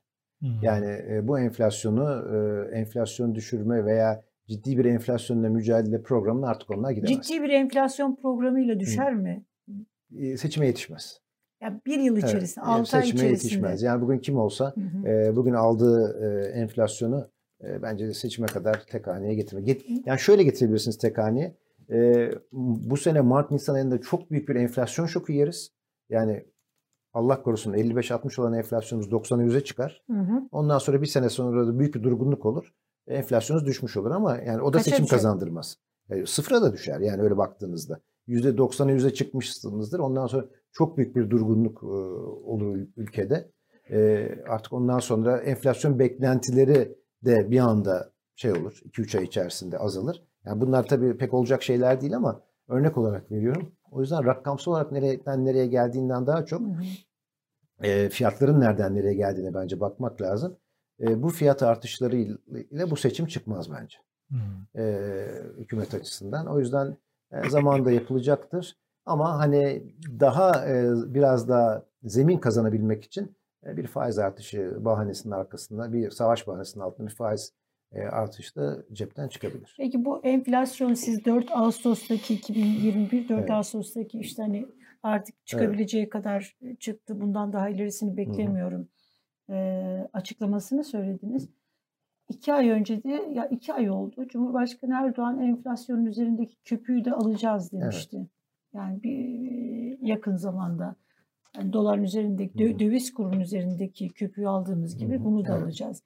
Bu köpüğü almak için hükümetin attığı adımlar oldu mu? İşaretlerini siz e, gördünüz mü? Yani çok kamuya, ka- kamuoyuna yansımadı, medyaya bir şey yansımadı ama siz e, bu, bu işaretleri gördünüz mü? Almak için bir adım atıldı mı? Başarısız mı olundu yoksa hiç adım atılmadı Tek bir adım atıldı. İşte kur korumalı mevduatla hani kurların 13,5-14 seviyesinde e, tutulabilmesi oldu. Bununla, Bu- bundan bununla- sonraki şeyinde Yok yani sadece buna güvenerek e, fiyatların e, daha önce 18 civarında e, dolar kuru Hı. ile fiyatlanmış olan mal ve hizmetlerin e, fiyatlarının ineceğine dair bir beklenti oluşturdular Cumhurbaşkanı da bence. E, şimdi işte yok e, şey timleri, fiyat kontrol timleri, şimdi KDV indirimleri, işte ben KDV indirdim bir KDV kadar da siz indirin gibi e, beklentilerle e, bir yönlendirme yapılmaya çalışıyor.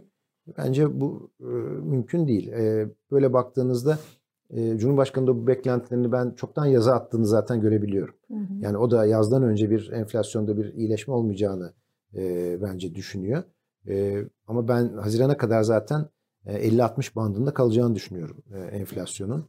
E, ondan sonra bir düşüş e, olsa bile bu hani böyle 35-40'lara e, ancak e, Türkiye enflasyonu gelebilir. E, dediğim gibi bu vatandaş açısından e, hani manşet rakamdan çok daha önemlisi neyi kaça aldınız? Peki e, şöyle bir e, strateji olabilir mi? Ve belki muhalefet bunun karşısında ne yapmalı diye belki konuşmak da gerekebilir. E, işte dünya çok karıştı. Zaten enflasyon başlamış zaten bu söylem. Enflasyonlar her yerde artıyor. Bir de şimdi savaş geldi. Evet. Dünyada istikrar lazım. İşte güçlü liderlik e, gerekir. Yani biz yine de ekonomimizi ayakta tuttuk. Yani bu şey iki tarafı da dengeleyerek. Ama işte bunun da bir bedeli var argümanıyla. E, bundan önceki e, daha e, üst manşetlerde olan ekonomi şeyini, sorununu, şikayetlerini şey yapmak, yani bastırmak gibi bir şey bekliyor musun mesela? Böyle Ya bir şey olabilir mi? Şu anki strateji bu. Yani e, geçtiğimiz Aralık ayından bu aslında. Hani bütün dünyadaki e, şeye karşı e, enflasyon dalgasına karşı biz de elimizden geleni yaptık gibi bir e, şey var. E, retorik var aslında. E, bu devam edecektir yani. Hatta bunun seçime kadar daha da hızlanacağını bence e, düşünmek lazım bu retoriğin. E, ama e, sistem 50 artı 1 artık. Yani sistem hani Hı hı. 35 e, 30-35'lik bir sistem değil. Bu 50 artı 1'lik sistemde e, bunu yakalamak, bu retorikle e, %50'yi yakalamanın çok zor olduğunu düşünüyorum artık. Hmm.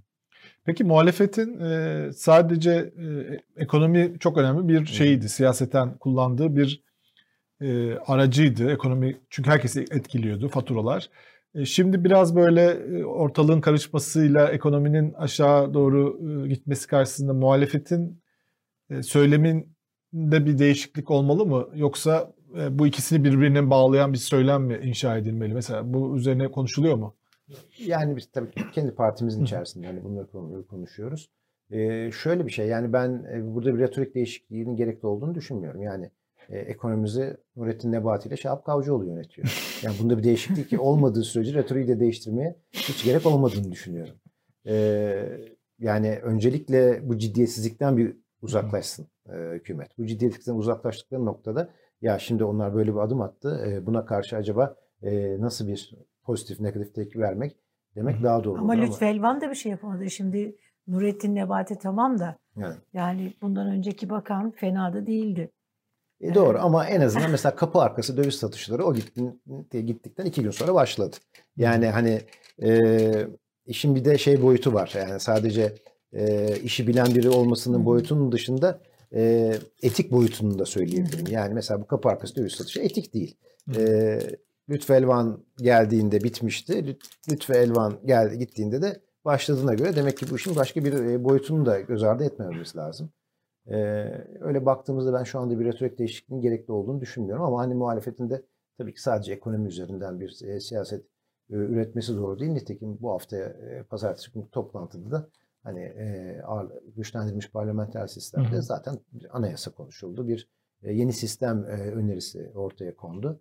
E, o yüzden üstüne düşeni de yaptığını Biraz anlatır mısınız siz? e, Oradaydım ben. oradaydınız. Evet. Ee, hani liderler buluştu. e, hukukçu genel başkanlarından oluşan Evet. bir komisyon metni hazırladı, üzerinde çalıştı. E, diğer böyle hani e, işte CHP'li milletvekilleri, siyasetçileri, e, Gelecek Partisi, DEVA yani sizin oturduğunuz yerde hava nasıldı? Herkes böyle hani tatmin olmuş muydu bu metin? Evet. Evet, yani iyi bir şeyler Yani oluyor. ben e, iyi bir heyecan vardı bence Hı salonda. hı. E, bu heyecanın e, duyanlar bir kere hani e, böyle bir e, siyasi görüş farklılıklarına rağmen bir araya e, çok uzun süredir gelmeyen e, bir e, Türk siyaseti vardı. O resmin verilmesi bence e, çok ilginçti. E, benim dikkatimi çeken salonda bazı e, vurgularda alkış sesleri, heyecanın çok yükseldiği e, durumlar e, vardı. E, bunun gerçekten önemli olduğunu düşünüyorum. Mesela Ben- hangi şeydi? ya bir kere e, Cumhurbaş tarafsız bir Cumhurbaşkanını e, çok özlemiş, istemiş bir topluluk vardı orada. Tabii ki o Hmm. topluluktaki topluluk ağırlıklı olarak muhalefetti ama anketlerde de bu çıkıyor zaten. Tarafsızlık vurgusu çok önemliydi. Mesela e, Avrupa İnsan Hakları Mahkemesi e, kararlarıyla Türkiye'yi mahkum ettiren e, hakimlerin ve bu tazminatın rücu edileceği büyük heyecan uyandırdı. Evet. Bu E, il- bir ilk Hmm, olacak. Evet, bu Evet. çok önemliydi. evet. önemli bir Ee, şey. Yani e, bunun dışında birkaç madde daha vardı şu anda çok e, aklımda kalmayan. E, bunlar e, ciddi anlamda Meclisin uyandırdı. güçlendirilmesi, e, Evet. denetim yetkisinin artırılması da alkış Evet, aldı. Tabii bakan, Çünkü bakan- orada özellikle milletvekillerini belki de Evet. heyecanlandırmış olabilir bu. Doğru. E, yani bakanlıkların daha hesap e, hı. verir hale gelmesi. E, ama hani şunu da göz ardı etmemek lazım. E, ismi güçlendirilmiş parlamenter sistem bu vurguyu çok yapamadı belki muhalefet partileri. Bunun daha önceki parlamenter sistemle hiçbir alakası yok aslında. Hmm. Ee, Evet. yani e, or, or, oradaki bazı uygulamalar var ama ruh olarak e, ve e, niyet olarak e, oradan çok uzak bir metin. Peki Kerim şöyle düşünüyorum. Bir, e, bunu hem pazartesi günkü sabah yayınında konuştuk. Hem sonrasında işte bu toplantı bittikten sonra mutabakat metni imzaladıktan sonra karar yazarlarıyla burada bir program yani metin nasıldı bir değerlendirme Evet. analiz programı yaptık. Ee, Orada e, mesela Karar Gazetesi yazarlarına da ben bunu sordum. İşte Taha Bey'e, Mustafa Karaylıoğlu'na, Ali Bayramoğlu'na falan. Şimdi e, Türkiye Türkiye ağır bir ekonomik krizin içerisinden geçiyor. Yani artık insanlar işte biraz önce sen de söyledin. E, fatura düşünüyoruz. Faturalar gündemimize girdi. Artık yani elektrikte böyle şeyi kilovatla e, kullanır hale geldik. Hani e, ekmek alırken, su alırken artık hani her şey böyle hesap kitap. Böyle bir dönemde e, muhalefetin e, böyle hani e, hükümet sistemiyle kamuoyunun çıkmaları, yani önceliğin hükümet sistemi olması e, doğru bir adım mı oldu? Yani daha ekonomide birleşilseydi ve ekonomik bir programla çıkılsaydı, yani enflasyon şöyle düşüreceğiz ya da hani bu bunun ilkeleri belirlenseydi daha doğru olmaz mıydı?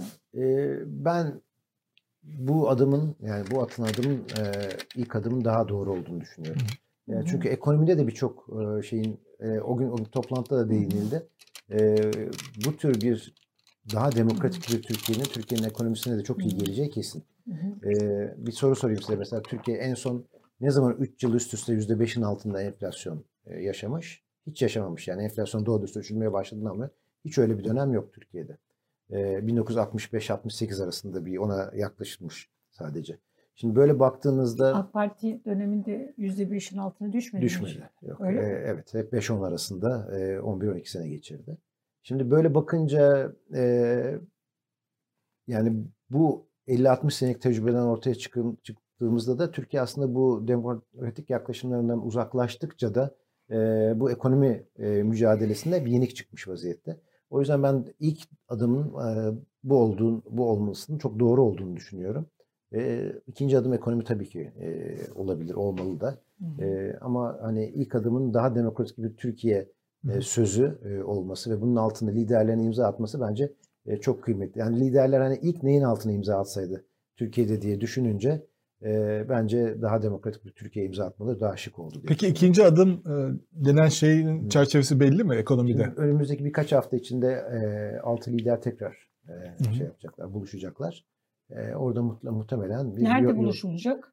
e, henüz bilmiyorum ama şey olabilir yani partilerden biri ev sahipliği e, yapabilir e, diye düşünüyorum e, bu sefer. E, böyle baktığınızda Orada mı konuşulacak bu? orada orada yol haritası ortaya çıkar. Ekonomiyle ilgili bir şey var yani gündemde şu anda. yani hani ben Çünkü bir toplantı yapmıştınız değil Evet mi? yani Öyle bir- sen e, bunun ikinci adımı ekonomi olabilir. Hmm. E, henüz bir uzlaşma burada yok ama hani Komisyon belli o halde değil mi? Yani ekonomi Henüz Yok, yok, uzlaşma hayır, yok. Hen- henüz daha. Hı. Yani ikinci adımın ne, ne olacağı burada e, ortaya konur. Yol haritası. Ondan sonrasında da çalışmaya başlanır diye e, düşünüyorum. Nasıl peki muhalefet e, partiler arasında hepsi farklı e, backgroundlardan gelen partiler.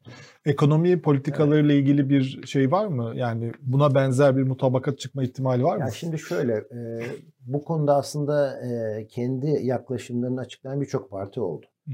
E, biz e, 2020'de e, bununla ilgili ekonomide gelecek model toplantısı yaptık.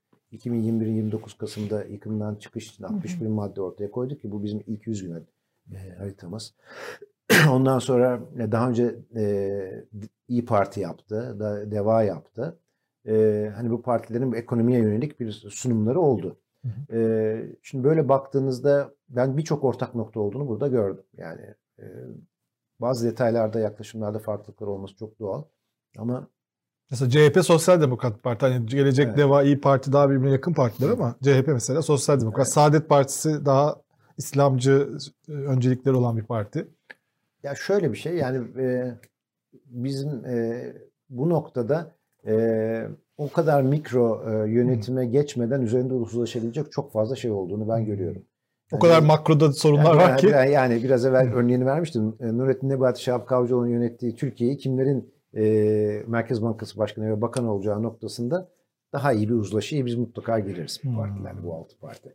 E, Merkez Bankası bağımsızlığından tutun da işte kamu bankalarının e, nasıl e, değerlendirileceğine den e, tarımına, sanayine kadar hı. bir- birçok uzlaşı noktası bence ortaya çıkar. E, işin mikro tarafı ise bence zaten e, bu masanın konusu olmaz.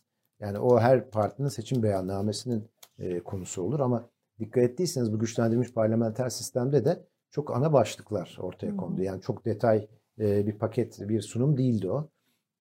Orada ana başlıklar ortaya kondu ve temel ilkelerde bir uzlaşma vardı. Ben ekonomide de bu yapılabilir diye düşünüyorum. Evet.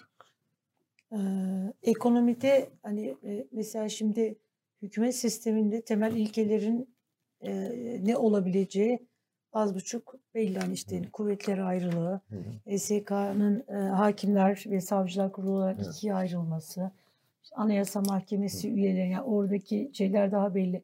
Ekonomide de böyle hani ilkesel bazda insanları heyecanlandıracak Hı hı. böyle ve herkesin de anlayabileceği e, şeyler çıkar mı? Somut prensipler. Bence herkesin anlayabileceği bir doküman Hı. mutlaka çıkar. Hani hı. olduğunda e, somut prensipler ekonomide o kadar net olarak ortaya konmayabilir. Hı. Çünkü e, yani prensipler ortaya konur da somut öneri olarak e, Yani veya mesela işte biz şey dedik ya hakimler, savcılar. evet Yani buradaki sorun belli. Hakimler ve savcılar kurulunun ayrılması. evet dendiği zaman orada ne olacağını anlıyoruz. Anayasa Mahkemesi'nin üyelerinin sayısının artırılması. Bu, bu da anlaşılır. Mesela enflasyonla ilgili bir şey Hı söylediniz. hı. Bununla alakalı mesela ne söylenebilir? Tabii yani mesela şeyi söylemek kolay. Merkez Bankası'nın Hı. para politikası Hı. kurulu üyelerinin kimlerden oluşacağı, BDDK ile Merkez Bankası Hı. birleşecek mi birleşmeyecek mi mesela bu tür şeyler Aa, tamam. e, ortaya konur ama e, yani Yani enfla- ekonomi kurumlarının nasıl çalışacağı. çalışacağı bu tip Hı e, hı. prensipler mutlaka ortaya konur. Ama şöyle bir şey de ortaya konsa bence şık olur. Yani e, bir enflasyon herkesin kafasında bir enflasyonun hedefinin işte yüzde beşse beş e, olup buna ne kadar sürede ulaşabileceğine dair bir ışık da vermek bence çok doğru olur diye Evet. düşünüyorum. Hmm. E, çünkü hani e, şu anda yüzde 54 enflasyon e, o 48 ya şu anda işte yarın Hı hı. olacak herhalde. 53-54 enflasyon hala Merkez Bankası'nın hedefi 5. Bu yıl sonu enflasyon hedefi. Yarın %50 olacak mı? İşte 53-54 gibi benim beklentim. Yani aylık başka. 4-5 gibi aylık Arttığına 3,5 göre. 4,5 arasında bir enflasyon çıkarsa 54 gibi. Yani 4,5 Hı hı. çıkarsa 54 olacak. Bayağı yani. Evet. Evet. Bu TÜİK yani. Tabii tabii. tabii. İnanılmaz. Ee, ve üretici enflasyonunda Yüzü geçer mi? yarın yüzü, yüzü geçme ihtimali var. Evet. Hmm. Çok kötü. Bu da bir tablo. tabii yani modelin nasıl çöktüğünü aslında çok ortaya e, net koyuyor. Geçtiğimiz yıl bugün e, dolar kuru yaklaşık 7.25'ti. E, bugün yaklaşık 14 e, civarında. Dolar Türk lirasına karşı %90 civarında değer kazanmış durumda. Oysa şimdi TÜİK enflasyonu e, %100 olacak diyoruz. Yani böyle baktığınızda ihracata çalışan sektörler açısından da yani evet dolar artmış, kurlar artmış ama maliyetleri de %100 artmış. Böyle baktığınızda geçtiğimiz yıla göre daha rekabetçi dememiz mümkün değil. Kurlar 2-3 ay daha burada kalsın. Ee, bunların en çok şikayetçi ol- olacak olan kesim ihracatçılar olacak. Evet. Var mı sorun Yıldıray? Aa, çok Hı? yine şey oldu. Karamsarlıkla dolduk. evet. Yani artık savunulacak bir tarafı da yok kalmadı artık bu ekonomik şeyin değil mi? Yani Evet. televizyonlarda da çok fazla savunan da herhalde yok yani işte faturalara destek vereceğiz gibi bir şey var yani. Evet evet. Yani e, işin ilginç tarafı AK Partili yetkililerden de e, hani AK Parti'nin politikalarını savunanlar genellikle AK Partili yetkililer olmuyor. Hı. İşte akademisyenler, Gazeteciler, e, evet, falan da. olmaya ba- başladı. E, bu da bir aslında insan kaynakları sıkıntısının da ortada olduğunu net olarak ortaya koyuyor. Hani bu kadar kötü haberin içinde tek iyi haber tabii ki önümüzdeki artık seçimlerin önümüzdeki 14-15 ay içinde yapılacak olması. Çok teşekkürler. Ben teşekkür çok teşekkürler. Evet. Çok sağ olun. Evet, bizden bu haftalık bu kadar. Programımızın e, programımızda Gelecek Partisi Ekonomi Politikaları Başkanı e, Kerim Rota'yı ağırladık. Birazdan Yıldıray Oğur ve Akif Beki sizlerle beraber doğru. olacak. Varsınız değil mi? Varız. Varsınız. Saat 16'da da Osman Sert e, sizlerle birlikte olacak. Günün değerlendirmesi için. E, önümüzdeki hafta pazartesi günü görüşünceye kadar kendinize iyi bakınız.